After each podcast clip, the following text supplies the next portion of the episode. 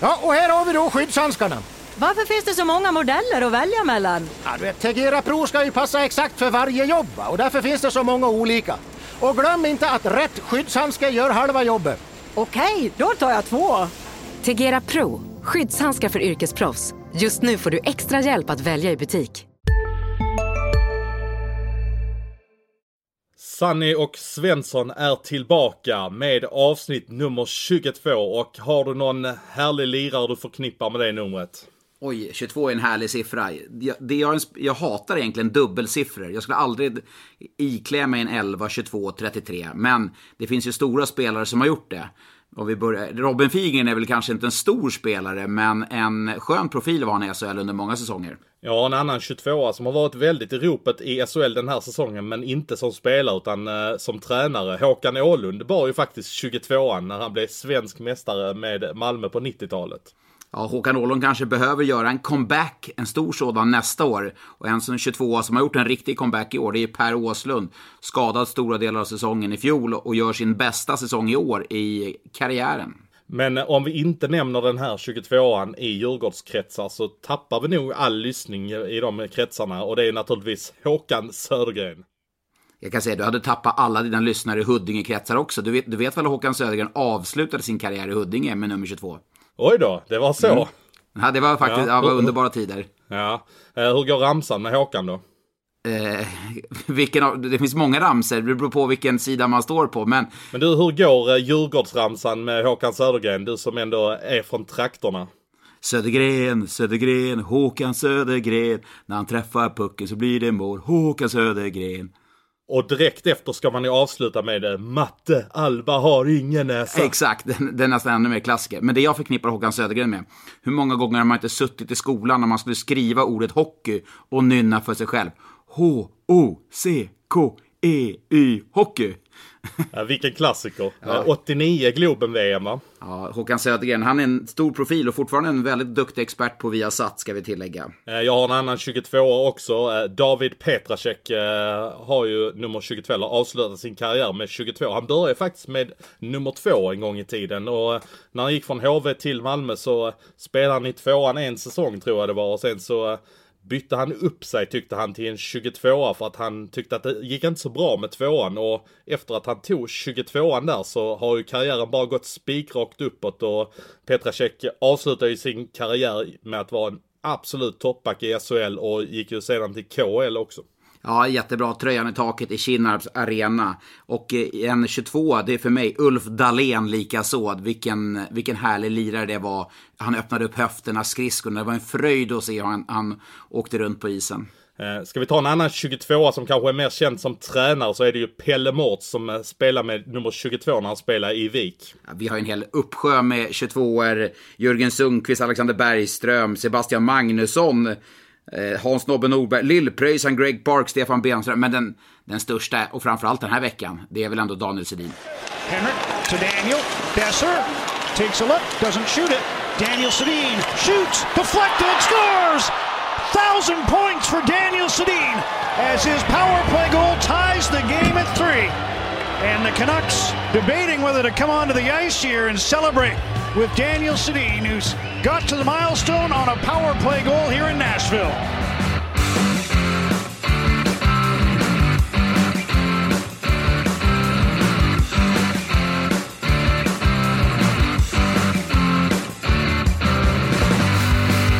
Från bröderna Sedin eh, så tycker jag att vi kastar oss över det som ändå har varit det som det har snackats om mest här eh, den senaste veckan. Och eh, under lördagskvällen så var det ju deadline för övergångar i svensk hockey. Ja, det är väl nästan överallt. Det är väl, jag vet inte om Schweiz fortfarande kör att de har transfer fram till dagen innan playoff börjar. Jag minns inte hur det var. De har, de har ändrat reglerna flera gånger. Jag tror inte att de har det att man kan byta sinsemellan lagen kunde man göra tidigare i Schweiz där under säsongen rätt sent. Men det, det, kan man inte. Men det är mycket möjligt att man kan ta in spelare utifrån ytterligare lite. Jag låter det vara osagt. Men det har ju faktiskt varit eh, deadline här för övergångar i Sverige och jag måste säga att jag pustar lite grann ut efter den här veckan. Det har varit eh, väldigt mycket telefonsamtal och smsande och hetsande och, och samtidigt så ska jag, eh, har jag transporterat mig mellan tre olika hockeymatcher mellan tisdag, onsdag, torsdag. Och jag tror att när jag körde ner från Norrköping till Oskarshamn i torsdag så stannade jag nog bilen tre gånger för att skriva en nyhet. Och det är 17 mil mellan städerna så att det blev, det blev väldigt mycket där ett tag. Men vad, eh, berätta, hur, hur såg en dag ut? Det, det har kommit frågor lite om det också. Börja med, hur mycket trafik har du haft på bloggen? Det är rätt intressant. Eh, många pratar, ni skriver bara för att få klick och så. Men det här är någonting som, transfers, det intresserar folk. Vad, vad har bloggen landat in på den här veckan? Jag skulle säga att jag har snittat ungefär 200 000 sidvisningar per dag denna veckan som eh, gick. Eh, ja, men det, det, det, är faktiskt helt galet vad folk är. Eh, de älskar rykten och övergångar. Och då tycker jag ändå inte att det har varit något vidare tryck egentligen. Jag tycker att det har varit en riktigt snark, eh, det har varit riktigt tråkig ska jag vilja säga. Jag har ju förflyttat mig från spelar till eh, den här mediasidan och nu tycker jag den här tiden är rätt rolig. Men det spekuleras, man ser, och kan de plocka in en spelare, lag och supportrar som drömmer om namn och så. Men när jag spelade så tyckte jag den här dagen var jag kunde egentligen inte ha brytt mig mindre faktiskt. För att det, det är inte så hypat i lagen som vi, vi media vill hypa upp den här dagen. Nej, och äh, egentligen så, äh, det brakar ju inte alls äh, loss speciellt mycket. Visst, det sker ju några övergångar. Det blir några spelare från finska ligan som, som flyttar till Sverige. Jag tyckte det var lite roligare förra säsongen när Jonas Enroth gick till Örebro och Malmö fick för sig att de skulle värva en 41-årig Per Ledin på, på transfer deadline. Ja, det har man nästan glömt bort. Per Ledin, han ryktades ingenstans i år. Nej, jag tror inte det. Men jag vet inte om han har aviserat att han har lagt av. Men eh, skulle någon ringa Per Ledin så skulle han ju definitivt kört. Per Ledin lägger aldrig av. Nej, jag tror inte det heller. Ja, någon gång gör han kanske. Men det, det, känns ju som att det var några lag som man nästan hade lite förväntningar på som skulle rycka in spelare. Leksand är ett sånt lag eh, som, man har tagit in Uffe Samuelsson, man tog in Matt Carey som har tidigare varit i föreningen och var i Rögle i fjol bland annat. Men där trodde man kanske att det skulle hända lite mer. Ja, men det trodde man absolut. Och eh, om man bara tittar på hur, eh, hur folk skriver på Twitter så är det ju Leksand som klart har eh, engagerat mest. Och är det ingenting på gång där och eh, varför värvar han ingenting? De eh, ligger så skrynkligt till i tabellen. Men jag kan förstå Thomas Johansson att han inte värvar någonting. För det som har funnits ute på marknaden, det har ju jag ska inte säga att det har varit undermåligt. Jag menar Färjestad tog in Alexi Mustonen som ändå har gjort en ganska okej okay säsong i, i eh, Pelicans och spelar Karpen nästa säsong. Han hade ju säkert kunnat göra lite skillnad i Leksand men då, då är vi ändå tillbaka till det jag tror vi diskuterade redan förra veckan. När, när, alltså en sån spelare väljer ju hellre att kanske spela långt i ett slutspel än att riskera att få en dålig säsong i Leksand. Men om vi bara kollar lite på Leksands lag. Jag vet att alla skriker efter nyförvärv. Men om vi bara ställer upp en potentiell eh, line-up. Bara känn på de här namnen. Om du säger eh, Ritola, Rivik, Wenström i en kedja. Du har Abbott, Zachrisson, Carey. Du har Lang, Persson, Trikulja. Du har John Knuts, eh, Martin Karlsson och Fredrik Forsberg. Och så har du eh, Hult som extra forward. Det är väl ändå ett lag som man tycker ska kunna göra bättre än vad de har gjort. Bara känn på namnen. Ja, nej, men jag tycker också det. Alltså jag kan ju bara jämföra med om du ställer lag mot lag, till exempel mot ett lag som Malmö. Så, så tycker inte jag att Malmö har ett bättre lag på pappret än vad Leksand har. Nej, det är det jag menar. Så det finns ju, nu, nu landar man in i det här när deadlinen har eh, gått förbi. Nu får man utveckla spelarna man har. Jag säger inte att man inte har försökt utveckla spelarna man har, men det här är, det, nu, liksom, nu är det stängt. Det här är laget som ska göra det, som måste ta sig samman. För jag menar, jag gjorde matchen här i torsdags när de mötte Linköping. Jag tycker man gör många bra saker. Energin var en helt annan, eh, jag står ju mellan bås och kommenterar, helt annan energi än vad jag sett tidigare. Bland spelare, ledare, allting så. Så det finns ju saker, jag tror inte att, alltså missförstå mig rätt, det är klart, hade man fått in en toppspelare i den femtonde så hade han kunnat göra skillnad. Men det, de spelarna finns ju inte. Nej, och det fanns väl någon som eh, det snackades om från KL och då skulle de ha fem, 500 eh, 000 dollar och det är 5 miljoner för att släppa honom. Och det var Ryan Spooner som, eh, som, som var tillgänglig. Och det är ju naturligtvis pengar som inte Thomas Johansson kan kasta ut för en spelare som man inte ens vet om han levererar. Det vore ju direkt oansvarigt. Nej men, nej, men det är ju det är föreningens ansvar. Alltså, du kan inte kasta ut fem miljoner på och så åker du ut med dunder och brak och så har du liksom försatt föreningen återigen i en situation där du nästan har ekonomisk kris. Det är ju oansvarigt. Ja, nej men precis. Men eh, om du såg dem i torsdags så eh, såg jag dem i tisdags och det var ju Uffe Samuelssons första match som, eh, som tränare. Och jag tyckte ju inte alls att eh, det kändes som att de hade någon vidare energi. Nu stod du förvisso i båset och jag satt på läktaren och det kan ju göra en viss skillnad men jag tyckte bara de stod och tittade på. Men eh, jag pratade runt lite där med Leksand som sa att de nästan var första matchen, det var, de var tagna lite i första matchen mot Malmö. Malmö var ju, jag menar från första, första sekund av den matchen så skapade Malmö massvis med målchanser och defensiven då som de hade pratat om, som skulle striktas upp lite mer, det, det såg man inte en, det var inte tillstymmelse till. Men eh, Uffe pratade med inför matchen, Samuelsson då, som pratar om vad har vi tryck på? Just försvarsspelet, det här energin, ligga nära och så. Och jag tycker att jag såg mycket mer av det i torsdags eh, än vad, vad jag gjorde i tisdags. Nu såg jag visserligen bara den på tv och du var på plats. Men eh, jag måste ändå säga, Uffe Samuelsson, det, man har respekt för honom. Jäklar i mig. Ja, verkligen, verkligen. Alltså hela den auran han ger intryck av, alltså det är ju pondus och det bara sjunger om det. Vi brukar alltid gå och eh, inför matcherna så brukar vi alltid gå och prata med tränarna för att få vem, vilken målvakt som står och är det någon som har varit bra, är det någon som eh, är sjuk eller lite sådär bara för att få eh, lite stämning och så. Och det var nästan som man funderade på, om jag knackar på dörren, ska jag knacka hårt eller löst? Blir han sur om jag kommer in? Det, det kanske man inte tänker med alla tränare. Nu jag, jag överdriver lite, men du förstår vad jag menar. Att det är ändå den aura han har runt sig. Och det tror jag kommer få en avgörande betydelse här framöver i jag, ska inte säga, jag brukar säga att i ett eventuellt kval. Nu kan jag säga i ett kval, för det kommer Leksand få kvala nu. Men eh, det är intressant att du tar upp det. Det finns inte så att spelarna kan spänna sig lite hårdare när man vet att man har en så pass alltså, st stor tränare med den auran och den pondusen runt sig att, eh, att det blir en annorlunda effekt, alltså en tvärtom effekt så att säga.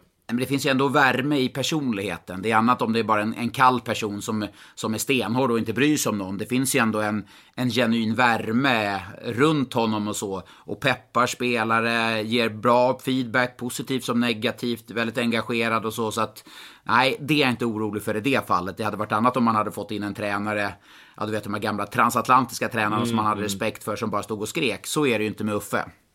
Nej, eh, så är det ju faktiskt. Men ja, jag ska säga det att eh, det var en positiv sak jag tyckte jag såg eh, när jag såg Leksand där i tisdags i förra veckan. Och det var ju att jag tyckte ehm, Patrik Zackrisson såg lite piggare ut än vad jag har sett honom på mycket länge. Ja, fick ju också mer istid nu. Det är ju det är tydligt att Uffe Samuelsson har ju mer det här transatlantiska tänket. Spela på sex backar. Du vet ju vad jag tycker om åtta backar till exempel. Sju backar likaså. Han spelar på sex backar, för det, han sa det inför matchen att Nej, men jag är van att spela så. Eh, de bästa ska spela mycket. Sen är det svårt att man får säga till två backar att inte de får spela. Men det, jag tar hellre det problemet och att eh, de får känna att de är delaktiga. Det gillar jag. Och sen tycker jag också sån som Spencer Abbott, han får ju massvis med skit. Och framförallt från oss här i podden också. Jag tycker mot Linköping så man ser att han har kvalitet. Man ser att han har en jäkla kvalitet.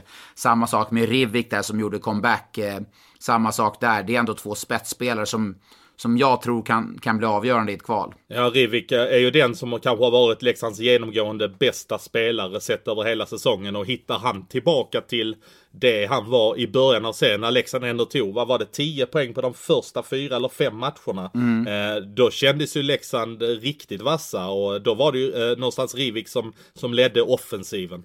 Så är det ju. Men nu måste man få igång samtliga spelare. Bara line-upen jag nämnde där. Det, det, finns ju i stort sett alla spelare måste ju lyfta sig ett par, par nivåer.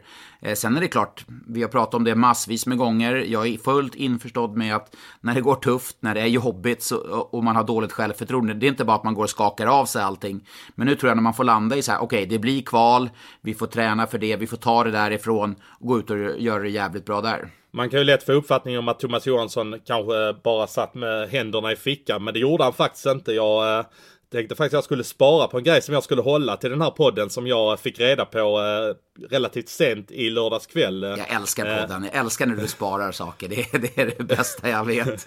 ja, det fanns ju faktiskt en... Så får du den där lite luriga minen också, den, den har jag lärt känna nu, den här lite luriga minen där.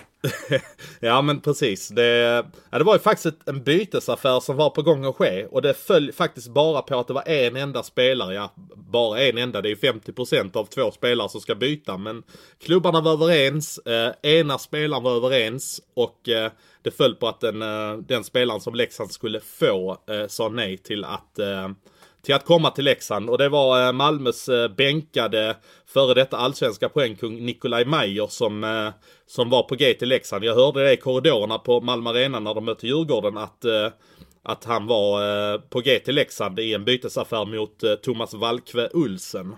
Oj, det hade ju varit spännande. Ja men det tycker jag ändå att det, det hade kunnat vara lite spännande om Mayer hade kunnat släppas loss lite där i sin offensiv.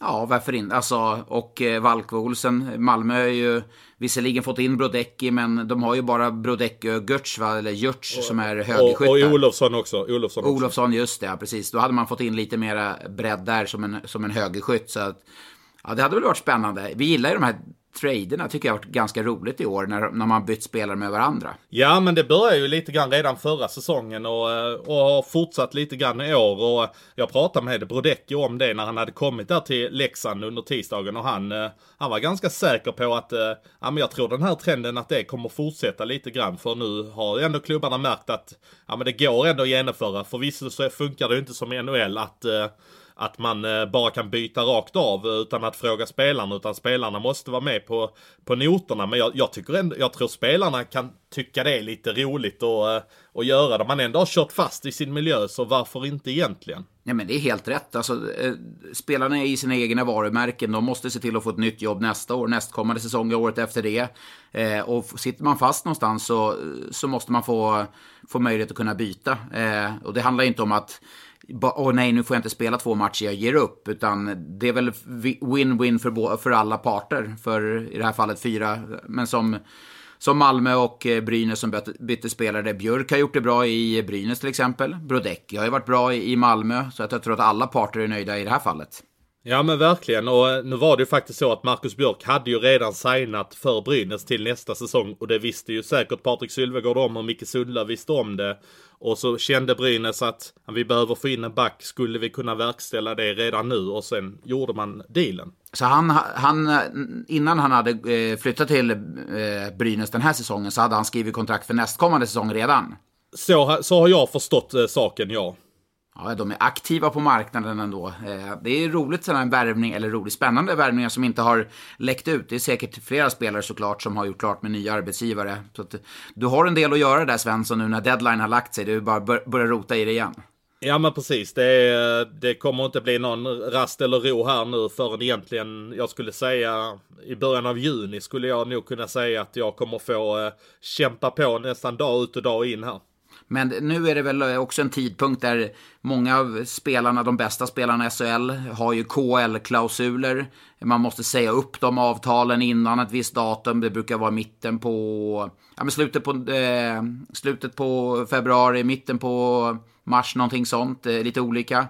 Eh, ryktas det, känner finns det någon spelare där som skulle kunna lämna? Ja men, det, ja, men det är kul att du ändå nämner det för att eh, en som ändå var, har varit het här och som det ändå har gått en hel del rykten om eh, och vi har ju pratat om att han är aktuell för att spela i Schweiz är ju Marcus Nilsson och nu när han gjorde så bra ifrån sig i Tre Kronor här under Beijer Hockey Games så hör ju i alla fall jag att eh, det finns ryska klubbar som också är lite småsugna på, eh, på, på Lillis och att eh, det säkert kan komma att eh, komma lite anbud här på bordet till eh, honom att ta ställning till. Eh, men jag vet inte riktigt om han är så sugen på att flytta till Ryssland. Alltså Marcus Nilsson känns ju ändå som en riktig värmlänning som trivs bra i Karlstad och har det gött där. Ja, det är väl just det som skulle kunna rädda Färjestad i det här fallet tror jag. Att Marcus Nilsson dels, ett, har fått förlängt kontrakt och ganska väl tilltagen lön mot vad han har nu. Sen, som du säger, lite, lite hemmakär. Men Färjestad har varit en väldig aktivitet på, det är ju det laget som har varit mest aktiv på transfer deadlinen här. Men det är ju egentligen ohållbart. De pratar ju såklart om guld. Med den offensiven så lär man ju prata om guld. Men ser man också hur många mål man släpper in. Man har släppt in 117 mål den här säsongen. Det är fler än vad till exempel eh, Linköping har släppt in. Som då ligger på 12 plats. Ja men precis, och jag, jag kollar på det. Alltså alla lag på topp 10 har alltså släppt in färre mål än vad Färjestad har gjort. Och, eh, Det är ju ganska anmärkningsvärt för i ett slutspel så brukar det ju handla väldigt mycket om att hålla tätt i tajta matcher. Så är det ju, och det här är lite det mönstret jag såg eh, första året när Färjestad hade med Johan Penneborn och när de åkte ut mot Skellefteå i eh, match 7 eller match 6 tror jag det var. Eh, och då var det just det, en jättefin grundserie med en offensiv som glimrade och lös och en defensiv som var ganska svag. Eh, och då åkte man ut också mot Skellefteå för att du gör inte 3-4 mål i snitt per slutspelsmatch, det funkar inte. I fjol tyckte jag däremot att eh, försvarsspelet var mycket, mycket bättre och rejälare. Eh, I år är det inte alls det. Och det är inte bara backar, det är ett kollektivt eh, dåligt eh, försvarsspel stundtals. Eh, men är det på, är det på nivå att, att det här går att lösa på en månad som ändå återstår till ett slutspel? För jag menar, det känns ju som att det ändå har havererat hela säsongen, man ändå har släppt in så många mål. Jag, kan säga, jag, bo, jag bor ju som sagt i Karlstad och det är väldigt mycket kritik mot eh, Färjestad. Det, det, är ett jättestort, det ska jag säga, det är ett jättestort intresse kring laget. De säljer slut i arenan mer eller mindre varje match. Eh, nu, Färjestad ligger tvåa i tabellen. Efter Luleå. Eh, ändå så är det väldigt mycket kritik. Och det är just mot det här med försvarsspelet. Och jag tror, får man inte ordning på det här i slutskedet av säsongen, så ryker man i en kvartsfinal. Det, håller inte i, i ett slutspel. Och det är, det är grymt prioriterat. Och då kommer man få tumma lite på den fina offensiven. För att eh, sätta defensiven i första rum. Ponera att man skulle ställas mot ett eh, hett HV71 eller mot ett tajt Malmö som eh, tajtar till lite grann i en, eh, i en kvartsfinal. Eh, Eh, så eh, kan det bli lite jobbigt. Eller till exempel Örebro som man ändå har förlorat mot på hemmaplan den här säsongen. Det är, ja, det, det är många, alltså det är oavsett som du, vilken en eh, matchserie du slänger upp framför nu. Om man tänker topp 6, topp 8, topp 10 här. Eh, tänk till exempel Rögle mot Frölunda eller Frölunda mot Djurgården som det är i just, just nu i en kvartsfinal. Liksom, känn på den. Eller Rögle mot Skellefteå i en, i en kvartsfinal. Det är ju jätteovisst. Så att det finns ju, bortsett kanske från Luleå som, som jag håller väldigt högt, eh, eh Frölunda också såklart. Det beror på vilka Frölunda får. Så kommer det bli ett härligt slutspel. Men Frölunda mot eh, Rögle såg du ju här i lördags oj, oj, oj. och eh, det var en bra hockeymatch. Jag fick ju tyvärr avvika efter, eh, ja jag tror det var 25 minuter in i matchen något. Eh, och det kändes ju väldigt hårt att jag behövde göra det. Men nej, det var en kalasmatch faktiskt. Det var eh, två bra lag som spelar en fartfylld hockey. Eh, mycket aggressivitet i spelet över hela banan. Känslor. Det var lite så här slutspelsgrinigt direkt från eh, från start. Och eh, för eh, Rögle så betydde matchen nog rätt mycket mer än bara poängen. Det var så här att, okej, okay, det är slutspelsmod som gäller nu. De måste ju skaffa sig den rutinen eftersom man inte har den sedan tidigare. Ja, men eh, det finns ju en situation som vi måste ta upp och det har vi fått jättemånga frågor om också. Och det är ju Joels matchstraff när han knätacklar Leon Bristedt. Om man nu träffar knät eller om han träffar låret. Det är du som ändå är experten så jag lämnar ordet fritt. Det är bara att köra på. Att jag ska behöva vara på expert på sådana här. Såg du förresten att Frölunda hade bifogat mitt blogginlägg i, eh, i sitt försvar till disciplinnämnden. Oj, nej det såg jag inte alls. nej, jag såg det på Henrik Lehmann som, eh, som driver Raka Puckar där nere i Göteborg som hade, som hade skrivit det. Så att jag blev förvånad för att när jag skrev om Fredrik Handemark här för några veckor sedan, vi satt och diskuterade i podden också, då var det nog ingen i Göteborg som höll med mig om, om det här med att Handemark inte skulle bli avstängd. Men nu håller alla med mig att Joel inte skulle bli avstängd. Så att, eh, men jag tycker, jag förstår inte varför han blir avstängd. Om inte Händemark blev anmäld så tycker jag inte att Joel skulle blivit anmäld om jag säger så. Mm. Eh, jag kan inte ge dig någon förklaring varför Joel blir anmäld eller kontra varför inte Händemark blir anmäld. För ser de isolerade situationerna så kanske jag tycker ändå att Händemarks är lite mer knätackling än vad Joels är. Mm. Även om Joel kommer in med högre fart än vad Händemark gör. Ja, för Händemark, är det för att han viker ut knät eller vad, vad är det som gör att den känns lite värre? Ja, ja, det skulle jag vilja säga. Där gjorde jag att han träffade skridskon och, och att därför tyckte jag inte det skulle bli avstängning. Men att, om vi säger så här, att domarna dömer matchstraff i matchen, jag säger ingenting om det. Det går jäkligt snabbt. Eh, de får, koll, kollar väl upp på jumbotronen där lite. Det rullas väl i, hur mycket som helst där nere i Ängelholm. Och så ser de situationen. Oj, det, det ser ju rätt grovt ut. Att de tar matchstraff därifrån. Eller att Händemark skulle ha fått matchstraff i matchen med, när han tacklade Viktor Ekbom för några veckor sedan. Det är ingenting att säga om.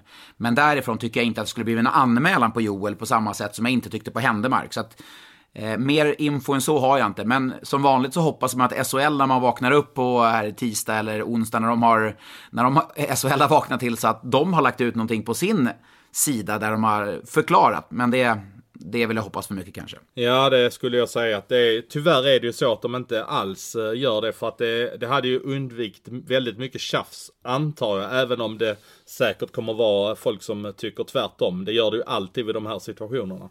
Ja, och varje situation är unik. Eh, det brukar jag alltid säga. Det är... Eh, och det finns ju möjligheter att jämföra, alltså, mm, eftersom det är ganska närtid den här med Händemark så är det ju så pass lätt att jämföra situationerna. Därför tycker jag också att man måste ut och berätta. Vi gjorde den här bedömningen för att A för att B, för att C. Därför gjorde vi inte den bedömningen på det och på det och på det. Sen förstår jag att man inte kan göra det på varje enskild situation. Men just i de här specifika fallen när du har två snarlika situationer i närtid så tycker jag att det är ett bra läge att göra det. Ja, och dessutom så tror jag att de märker ju rätt så snabbt på sina sociala medier vilka situationer det är som folk inte eh, har någon uppfattning om. Som de, vill, som de nästan kräver en förklaring på. Och då, då tycker jag faktiskt att det kan vara läge att göra det. Jag tycker han, den här personen som, som äger SHL-kontot. Det, det finns ju en som har ett SHL-konto, du vet va? Alltså det, han, det officiella menar du eller? Nej, SHL har ju SHL SE. Just det är det. deras officiella konto. Ja. Sen finns det ju en, en på Twitter som har SHL. Jag tror han är, om han är, jag vet inte riktigt var, han bor på andra sidan jord, jordklotet. Han har i alla fall SHL som är hans eh, namn på Twitter. Och så många gånger som han blir intaggad. kan du tänka dig när han går upp och vaknar på morgonen där och så bara har det varit någon situation som SHL inte har gjort någonting eller de har förbjudit banderoller eller någonting. Och alla död åt SHL och SHL och han måste ju undra, vad fan har jag gjort nu?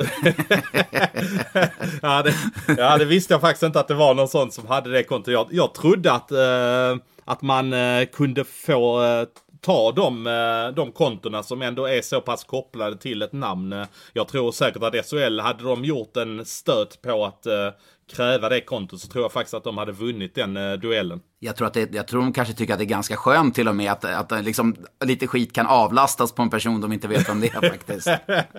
ja. Men du, från eh, två eh, topplag i SHL till andra topplag.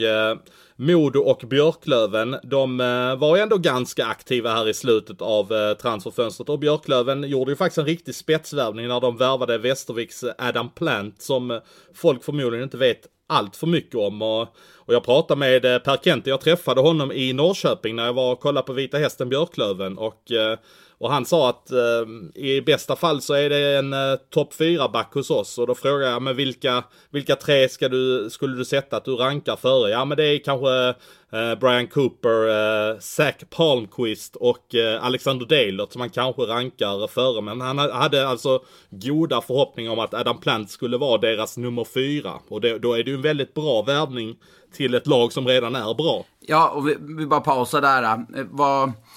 Nu har ju, eh, sålde ju Västervik spelare, två spelare va? Ja, tre till och med va? De tre, sålde ju tre. Plant och Nowick och så sålde de även Bordson till eh, Finland. Just det, korrekt, korrekt. De säljer tre spelare. Jag förstår att man är i behov av pengar. Jag, respekter, jag respekterar ettor och nollor, absolut. Eh, du hade väl nyheten här om Norbe som gick från Karlskrona till HV71? Exakt, du, ring, exakt. Du ringde väl till och med till Mats Lust va? Jag ringde till Mats Lust eh, där på kvällen och, och, Mats, eh, alltså jag menar jag och Mats, vi har ju ändå haft någon form av eh, relation här under 20 senaste åren och han svarade mig, helt ärligt så vet jag ingenting om det och vi har just nu sex backar så det skulle förvåna mig om eh, vi släpper honom och i så fall är det saker som har skett ovanför mitt huvud. Men är inte det sjukt amatörmässigt? Jag tänker Karlskrona, det är ändå en klubb som ändå i närtid var, spelade SHL. Patrik Larsson var då sportchef i SHL. man, man släpper då sin bästa back utan att tränaren är informerad. Vad är, vad är, hur låg nivå är det? Alltså, så här förklarade Mats situationen. För han ringde faktiskt upp mig sedan efter midnatt. Eh, jag tror klockan var kvart över tolv på kvällen där natten mellan fredag och lördag. När det bara ringer telefon. Tänkte jag, vad fan är det som ringer nu? Och då var det ju Mats som... Vi är specialister på det vi gör, precis som du. Därför försäkrar vi på Swedea bara småföretag, som ditt. För oss är små företag alltid större än stora och vår företagsförsäkring anpassar sig helt efter firmans förutsättningar. Gå in på swedea.se företag och jämför själv. Hej, Synoptik här. Visste du att solens UV-strålar kan vara skadliga och åldra dina ögon i förtid? Kom in till oss så hjälper vi dig att hitta rätt solglasögon som skyddar dina ögon. Välkommen till Synoptik. Ringde upp och, eh, och eftersom vi ändå har haft en relation under många år så eh, ville han vara ärlig och säga att eh, det var inte meningen att jag skulle ljuga för dig för att jag, jag visste faktiskt inte om det. Och då, då förklarar han saken som så här att innan de mötte Almtuna hemma så hade saken varit uppe på bordet att Norrby eventuellt skulle gå till SHL.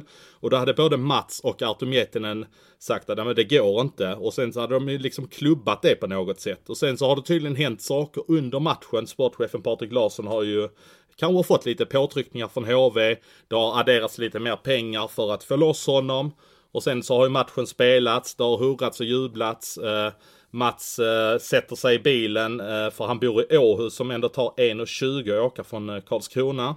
Och ehm, då får han inte reda på det utan eh, helt enkelt när jag ringer och pratar med Mats och vi babblar på ändå en 20-25 minuter där på fredagen. Eh, då ska tydligen Patrik Larsson och Artur Miettinen ha sökt Mats. Eh, och så har han inte fått reda på det av den anledningen. Så jag visste om det alltså före Mats visste om det. Och sedan eh, gick det då en tid och så ringde Mats upp när han hade kommit fram till Åhus och pratat med eh, Artur Miettinen och eh, Patrik Larsson.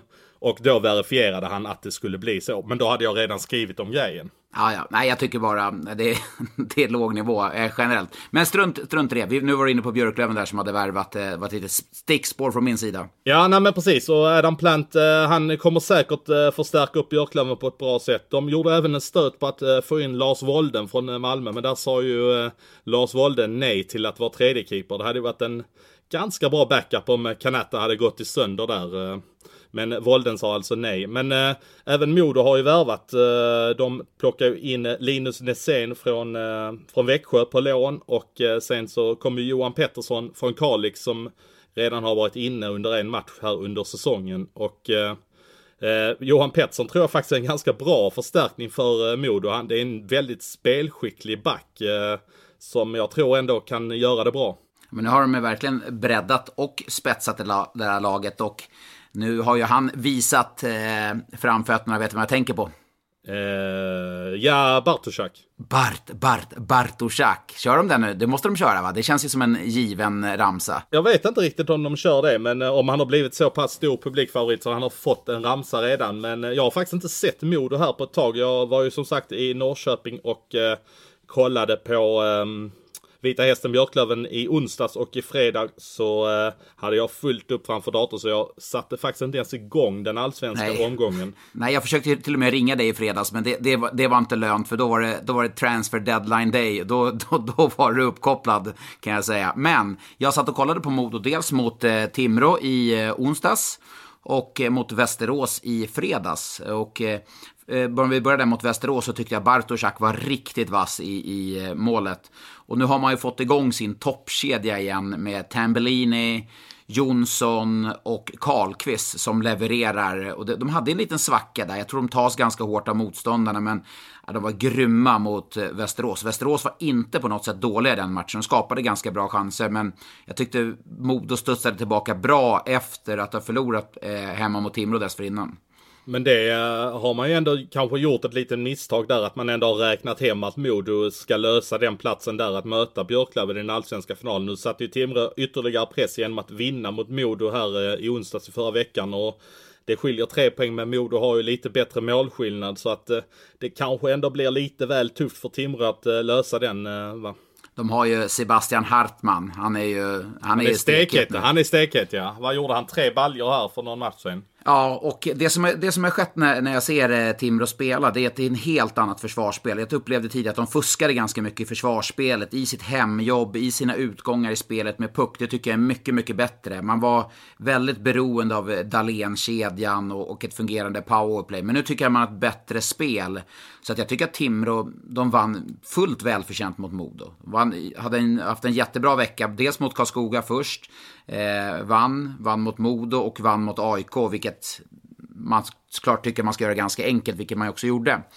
Men där har man strikt upp försvarsspelet och jag tycker att man ser riktigt vassa ut nu. Så jag, jag räknar inte bort Timrå här, alltså definitivt inte. Det är eh, viss, visserligen sämre målskillnad, men de kan näst i stort sett gå rent här på slutet. Ja, det är fullt möjligt att så som det ser ut så kan de definitivt göra det. Men jag tror Modo någonstans ändå har haft eh, sin svacka. Det är sex matcher som återstår att spela. Och jag tror inte att Modo förlorar mer än en match och då löser de det. Men när du, du tittade alltså Vita Hästen mot, eh, mot Björklöven i eh, onsdags. Ja, jag skulle säga att det var en eh, direkt undermålig match. Alltså ganska mycket misstag.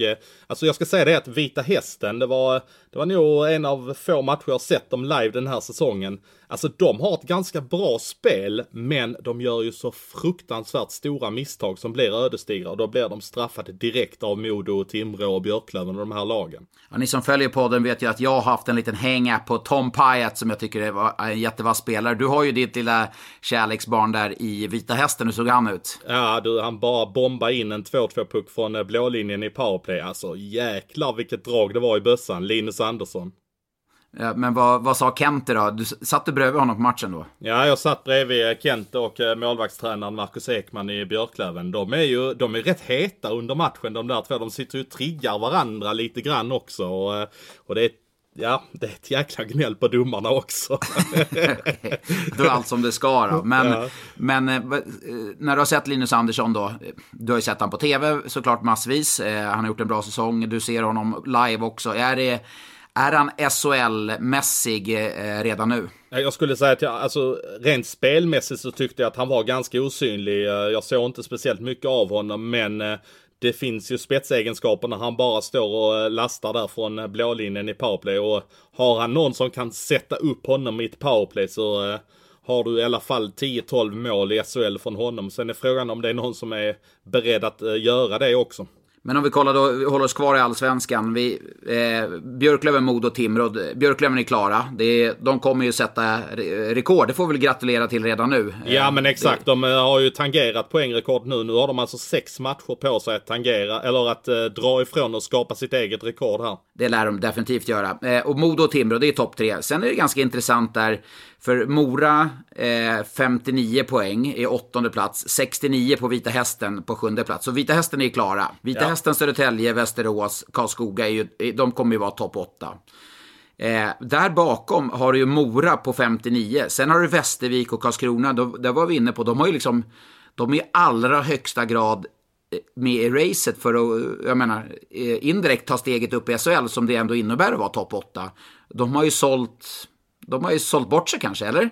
Ja men det skulle jag säga att det har de ju absolut gjort. Karlskrona har ju, de, redan innan de sålde Norbe så har de ju sålt eh, Linus Karlsson till eh, BIK Karlskoga också. Så att, eh, och förra säsongen vid den här tiden så sålde de ju Justin Crandall till eh, AIK. Eh, så att eh, de, eh, de sätter ekonomin i fokus och jag har pratat med eh, klubbchefen eh, Rosenqvist där i eh, Karlskrona tidigare under säsongen och, och han hymlar inte alls med att vi måste prioritera ekonomin för de har hamnat så snett på det efter det här som inträffade i SHL när de tvingades bygga upp sin arena för att klara SHL-kraven så att där, där kommer man helt och hållet prioritera ekonomin. Men när jag pratade lite grann med Mats så tyckte jag det lät på honom som att han hade lite förhoppningar om att till nästa säsong så kanske de ska kunna öka spelarbudgeten lite, kanske hitta något lite spetsigare nyförvärv och kanske påbörja en resa på riktigt. För Karlskrona var ju uppe i SHL för vad var det, två och en halv säsong sen. Ja, och jag var kritisk till Karlskrona att det var oproffsigt skött där när man släppte Norrby. Men alltså,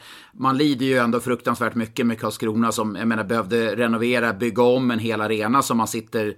Jag menar, man sitter ju på Svarte Petter nu i Hockeyallsvenskan. Det ju... alltså, Det finns ju ingen framtid där för att kunna kunna bygga något framgångsrikt med tanke på att man, ekonomiskt så sitter man ju bakbunden med arenan. Ja, ja, visst gör de det. Och att inte de har ersatts på ett bättre sätt, det tycker jag är direkt dåligt.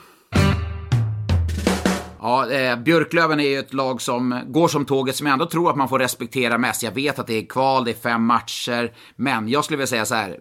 Oskarshamn och Leksand, de kommer att få kvala. Men det är också ett jäkla race här nu på slutet att faktiskt undvika sista platsen. Ja men det tror jag också. För att eh, tittar man historiskt sett så eh, har ju faktiskt det laget som har hamnat eh, sist i SHL åkt ut eh, de senaste säsongerna. Och, och Björklöven ser så pass starka och trygga ut. Och, och har en så tydlig spelidé. De har egentligen allting. De har ett bra powerplay, de har spets framåt, de har bra backar, de har bra målvakt. Eh. Att möta Björklöven som vi ändå någonstans tror kommer vinna den allsvenska finalen. Det är ju en, eh, en mardröm som eh, jag inte tror att varken Leksand eller Oskarshamn vill stöta på. Och eh, känslan som jag har nu är ju att det är Leksand som kommer hamna där. Ja, men det är också, det är också jag tycker att Oskarshamn ändå, de är med i alla matcher. De, jag tycker de ändå spelar rätt bra, även om man ja, inte men alltså det jag känner med Oskarshamn är ju att de kör ju. De kör ju något fruktansvärt. De är jobbiga att möta. Ja, och det har ju inte förändrats eh, varken nu när Perra kom in eller från Håkan Åhlund. Jag tycker de fortfarande tuggar på i, i, samma hjulspår och samma mönster. Ja men verkligen och de, eh, jag tycker att en sån som Rickard Palmberg tycker jag ser väldigt intressant ut. Han, eh, han vinner mycket teckningar, är mycket delaktig i spelet, har en offensiv spets framåt som jag tror kan bära Oskarshamn rätt långt. Och Johannes Salomonsson spelar riktigt bra nu också. Ja verkligen. Och då har, nu har de en kedja med Palmberg, Johannes Salomonsson och vet du vem tredje länken är? Är det Tyler? Nej, han- var trettonde forward Keller senast. Jaha, okej. Det var- det var mot, mot Växjö. Jag såg inte matchen. Nej, det var Netteberg som var inne där och jag tycker, tänk, tänk att sätta in Keller där också. Vilken, jag menar, det, det måste vara ändå en fruktad toppkedja du får då i ett, eh, i ett kval. Ja men verkligen. Det är, det är bra klass och de gör ju avtryck redan i SHL så att det är, det tror jag är en bra kedja för Oskarshamn. Om vi blickar från botten till toppen. Vi är väl överens om att Luleå är, eh, kommer vinna serien, även om man är i formsvacka ska jag inte säga, men ändå två av tre förluster den, den gångna veckan. Ja, men de, de vinner sen. De har så pass stor marginal neråt och är så pass stabila så att eh, det ska så mycket till för att de ska tappa det. Eh, Du får chans igen. Du, för ett gäng veckor sedan så sa du att det, det står mellan Luleå, Färjestad och Frölunda. Vill du addera något lag? Du har eh, varit inne på Djurgården. Vill du lägga till Rögle där nu också? Ja, alltså ska, ska, jag- ska jag ta addera ett varje vecka här nu? Det är väl klart Ja, att, det kan du. det är väl klart att Rögle när de är på den höga nivån som de ändå eh, visar att de kan hålla så är de ju verkligen ett bra lag. Jag har dock lite svårt att se att de ska vara så pass bra från mitten av mars fram till kanske början av maj. Att de ska gå. De har ju inte den slutspelsrutinen. Visst, Mattias Sjögren, Dennis Everberg, de här och Ted Brithén, de har ju spelat slutspel förr. Men jag är inte riktigt där att jag tror att de kan gå hela vägen. Alltså de är, de är riktigt bra när de är bra, men jag tror inte över en och en halv månad att de kan hålla hela vägen. Men nu har vi också topp 6 där Skellefteå tre raka segrar. Och då ska man veta att Skellefteå tog den här gångna veckan segrar mot Luleå, Färjestad, Örebro. Som då inför veckan alla var topp 6-lag. Så de har ju helt plötsligt studsat upp. Och nu är det visserligen 69 poäng samma som Örebro då. Eh, så Örebro är just på sjunde plats. Men det, det kommer bli ett härligt race in där. Jag har ju lyft fram Djurgården som ett eh, lag som skulle kunna gå väldigt långt. Du såg ju dem i lördags mot Malmö. Vad är det Djurgården har så förbenat svårt mot Malmö, just i Malmö? Ja, det har ju blivit så på senare år av någon anledning. Eh, det har ju inte alls varit så historiskt sett, utan Djurgården har ju tvärtom haft ganska lätt mot Malmö i Malmö. Det var ju någon säsong det slutade 3-3 varenda match mellan lagen. Jag tror alla fyra möten slutade 3-3, men innan dess så eh, tror jag att Djurgården hade en svit på flera år i Malmö Arena som Malmö inte hade fått med sig tre poäng mot Djurgården. Så att eh, det är ju nu eh, den senaste säsongen och förra säsongen som, eh, som Djurgården har haft svårt. Men jag skulle säga att eh, Djurgården var bättre i 15 minuter kanske. Sen får Malmö psykologiskt in 1-1 på sitt andra skott i matchen. Ganska orättvist. Och sen eh, får de även in 2-1 på ett misstag från Jesper Pettersson. Sen har Dick Axelsson ett eh, friläge. och sen vänder det. Ja, och sen vänder det. Alltså det går så snabbt så kameran inte ens hänger med upp i det anfallet som Johan Olofsson sprätter in 3 och då, sen är det ju godnatt. Sen är inte Djurgården det, där alls. Är det Adam Ollas Mattsson som slår den passningen till Johan Olofsson? Ja, det är det. Vad har hänt med Adam Ollas Mattsson? Han är ju hur bra som helst. Alltså han är så löjligt bra och han tar sig ur situationerna i egen zon. Det är sånt självförtroende på killen så att det är... Alltså det är nästan läskigt att se honom spela hur allting bara ser så enkelt och tryggt ut. Ja, men för att det var ju en värvning när Malmö värvade honom så jag kan inte säga att det direkt höjde på ögonbrynen. Jaha, kul. Ja, men, eh, han är tillbaka liksom i SHL. Det är väl ja, kul för Malmö då, men det var för att Djurgården inte hade någon plats tänkte man. Men jag menar, han är ju jag tycker han bara blir bättre och bättre för, för var matchen går. Ja, ja, men det är helt rätt. Alltså någonting har hänt här sen det tickade in i 2020 för eh, Adam Ullas Mattsson och eh, jag är ganska säker. Jag vet faktiskt att han var uppe på eh, landslagstränarnas bord redan i november, men eh, då tyckte de inte riktigt att han hade det. Men hade de fått ut en landslagstrupp nu så är jag säker på att han hade varit bland de tio sista som man hade valt mellan. Oj, ja, ja men det är, en, det är en härlig utveckling ändå. Det är väl värt en notering för att det är ingen spelare vi, vi pratar våldsamt mycket om faktiskt. Det, det skulle kunna vara, om man lyfter fram årets värvningar så tycker jag ändå en som också måste nämna det, Jesper Fredén i Skellefteå sett till förväntningar. Han har alltså gjort tio mål den här säsongen och det hade man nog inte förväntningar, eller jag hade inte det i alla fall. Nej men Fredén var ju, han var ju riktigt bra i Hockeyallsvenskan men att det skulle gå så snabbt och blomma ut i SHL det trodde ju inte jag i alla fall. Men eh, att han hade någon form av offensiv kapacitet det trodde jag faktiskt.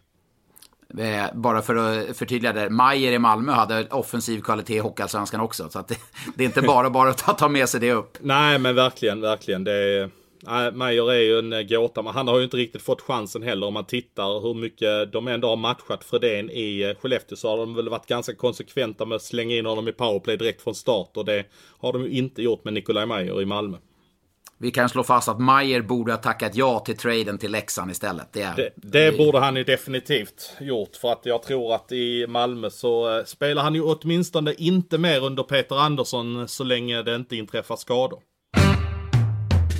Ska vi ta och kasta oss över frågorna som har vält in? Eh, jag tar, tar en från vår eh, mailkorg, Sanni Svensson i ett ord, eh, snabla Expressen.se, som kommer från Magnus Wellstedt. Han, han skriver så här.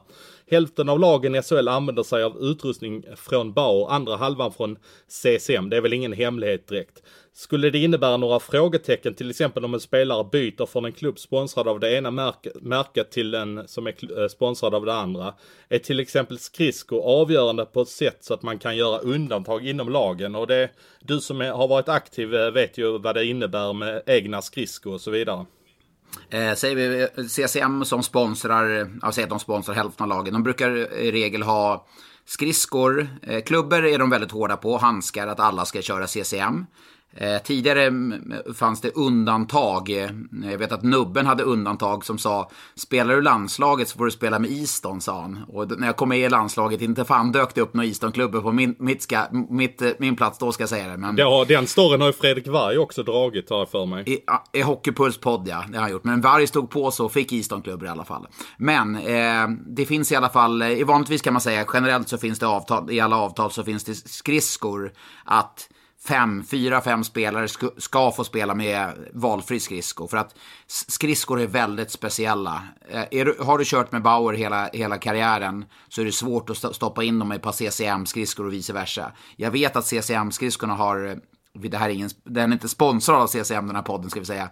Men CCM-skridskorna har gjort, tagit, utvecklats jättemycket de senaste åren. Och är fullt, eh, helt i klass med Bauer som tidigare enligt mitt tycke hade de överlägset bästa skridskorna. Eh, intressant fråga ändå. Jag ska bara droppa en liten grej här. Jag pratade med Adam Brodecki som kom in eh, i Leksand. Kom in utan att ha tränat med Malmö eller någonting. Så han hade ju inte haft en enda möjlighet att köra in sin utrustning. Brynäs kör ju Bauer och Malmö kör CCM. Eh, men han eh, fick någon form av dispens att eh, köra med sina Bauer-skridskor och handskarna även från Brynäs.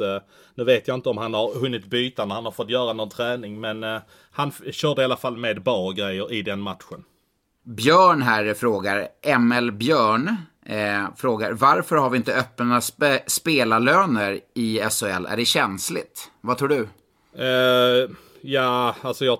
Det känns inte som den svenska modellen om man får svara så luddigt svar helt enkelt. Jag, jag tror inte de svenska klubbarna är där att, att vilja göra det helt enkelt.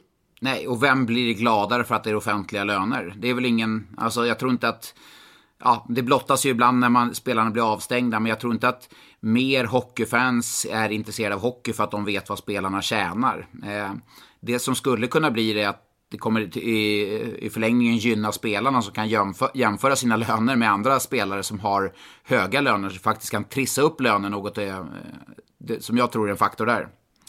Eh, jag drar en fråga också. Jag har sett att den kommit in här från Niklas Norlind som eh, som eh, pratar om Adam Brodecki som i Simor sa igår att eh, han bor i min lägenhet, sa han ju faktiskt igår. Och eh, jag skulle vilja svara för det där, att, eh, för han tyckte det lät lite småintressant med tanke på allas olika roller där.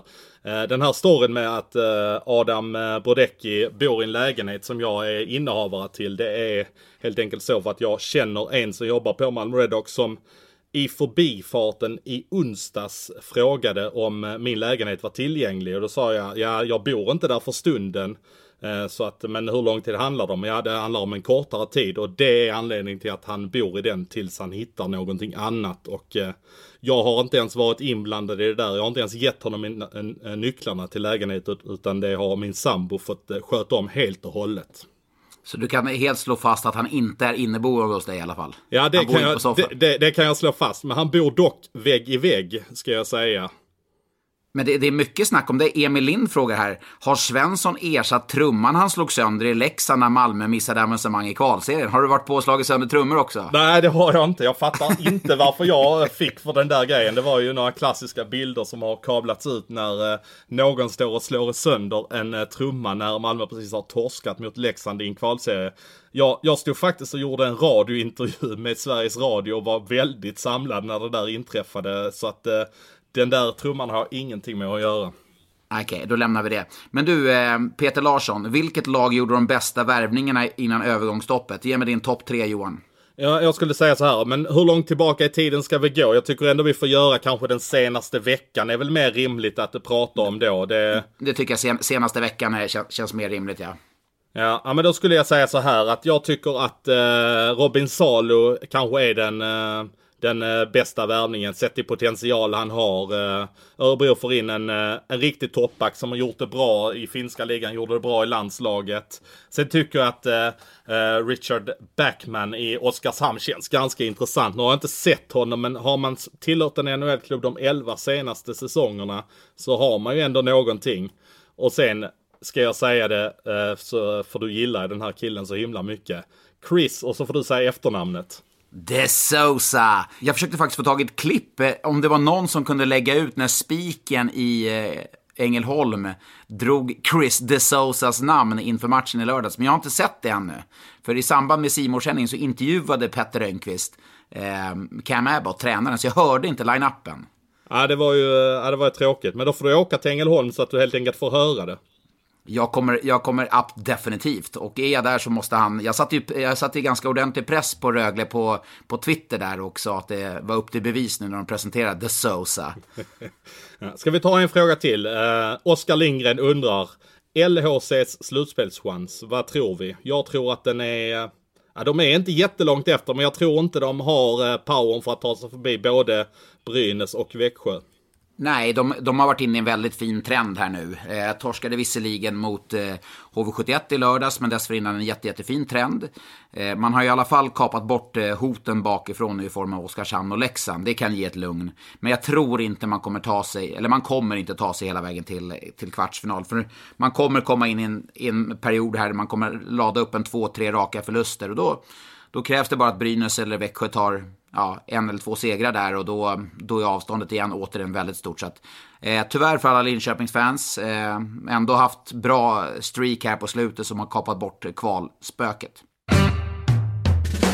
Frågor i all ära Johan. Nu är det upp till bevis. Du vet, eh, du är fullt införstådd med poängställningen. Att jag leder med en poäng. Ja, den där stör mig. Jag tycker vi har tagit lite treor och varit lite medelmåttor här de sista veckorna. Så att eh, det har liksom inte hänt någonting mellan oss. Så det är dags att jag antingen trycker in en riktig stöt här nu eller att jag ja, helt enkelt blir ett platt fall.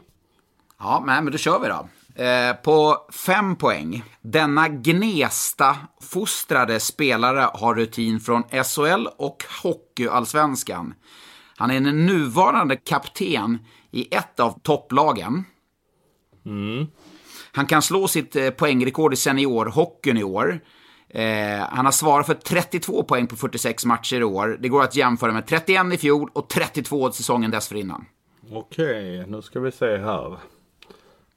Gnesta-fostrad, nuvarande kapten, rutin från SHL och Hockeyallsvenskan och som jag sa kapten i ett av topplagen.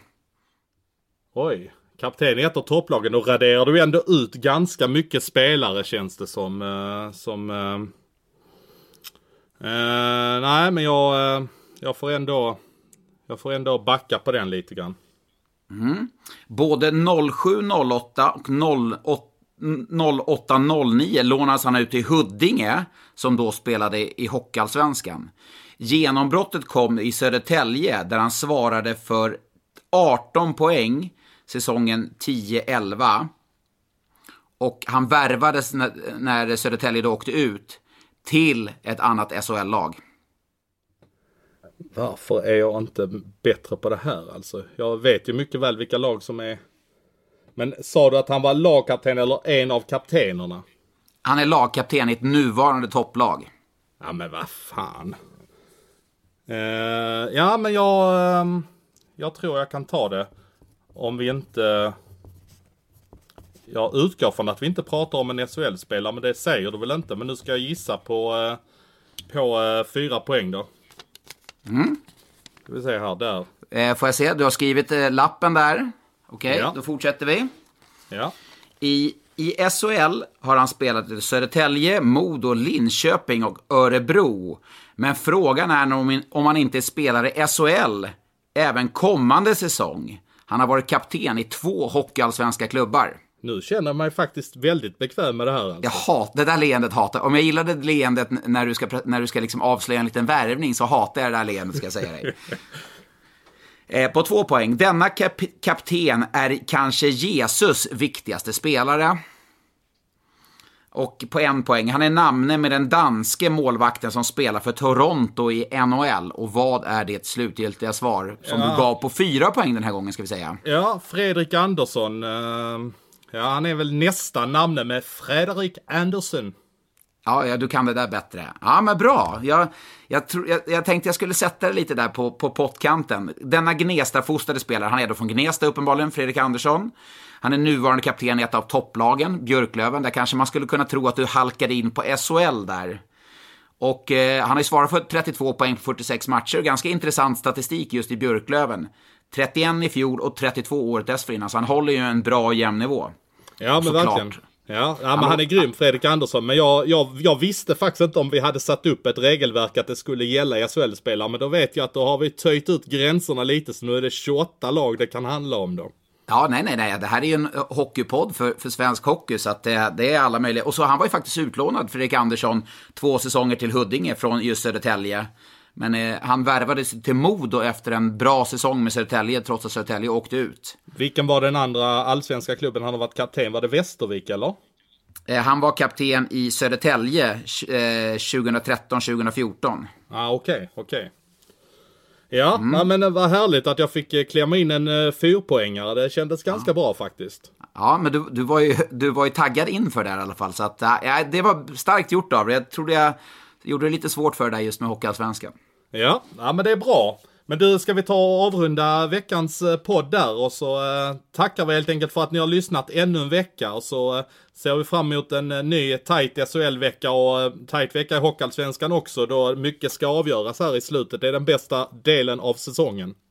Och du Johan, se till att vila den här veckan. Det har inte blivit många timmar eh, sömn för dig under trans, transfer deadline-veckan. Så se till att vila lite. Ja men du, jag ska säga så här innan vi avslutar. Min vecka ser ut enligt följande. Måndag, reser till Luleå. Match tisdag i Luleå. Onsdag, hem från Luleå. Torsdag ska jag ner till Wolfsburg och jobba på Wolfsburg Malmö FF i Europa League. Kommer hem sent natt mellan torsdag och fredag. Fredag kväll tänkte jag åka till Jönköping, sova över i Jönköping och sen ska jag se match på lördag i Jönköping och sen ska jag åka hem. Så att på söndag så ska jag vila. På återseende.